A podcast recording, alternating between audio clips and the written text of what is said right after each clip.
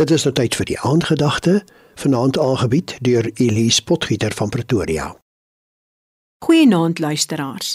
Sê vir jouself in elke situasie waar jy wonder of hulp regtig nodig is, het ek rede om te dink dat Jesus in die geval sou geweier het. Doen dan wat jou hart vir jou sê jy moet doen.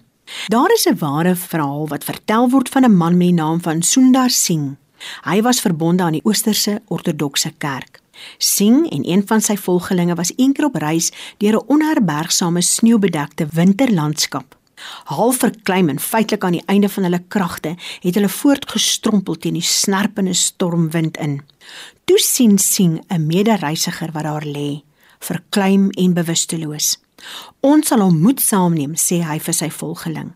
Maar die wou niks weet nie. "Is jy gek?" antwoord sy reismaat. "Hy is dooie gewig. As ons twee hom moet dra, gaan dit ons so uitput en vertraag dat ons langs die pad sal ontkom. Hy is in elk geval byna dood. Ek loop nou." En hy stap vinnig daar weg. Sing het die bewustelose man sukkelend op sy skouers gelaai en met hom teen die stormwind voortgebuur. Sy metgesel het iewers langs die pad ineengestort en gesterf. Maar Sing het met die uiterste kraginspanning die einde van sy pad bereik en kon die bewustelose man betyds by die dokter kry. Later het hy vertel, die enigste rede waarom hy oorleef het, was omdat hy hom liggaamlik so geweldig moes inspann om die ander man te dra, dat die inspanning sy liggaamstemperatuur laat styg het en daarom het hy nie verkleum nie. Sy onselfsugtige daad was sy behoud.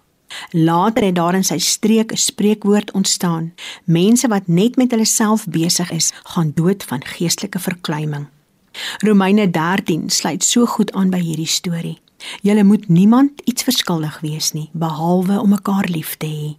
Wie sy medemens liefhet, voer die hele wet van God uit.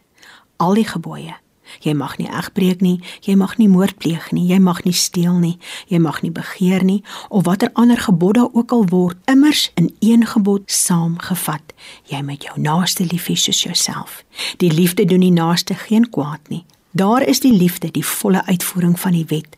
As jou vyand honger is, gee hom iets om te eet. As hy dors is, gee hom iets om te drink, want deur dit te doen, maak jy hom vuurrooi van skaamte moet jou nie deur die kwaad laat oorwin nie, maar oorwin die kwaad deur die goeie. En daarom is ons gebed vanaand in die naam van Jesus Christus. Vader, seën my met liefde in my hart vir U, sodat ek hierdie liefde wat ek vir U het, sal laat oorloop na my medemens. Seën my ook met 'n dankbare hart, want U woord sê, U die dankbare hart lief. Amen.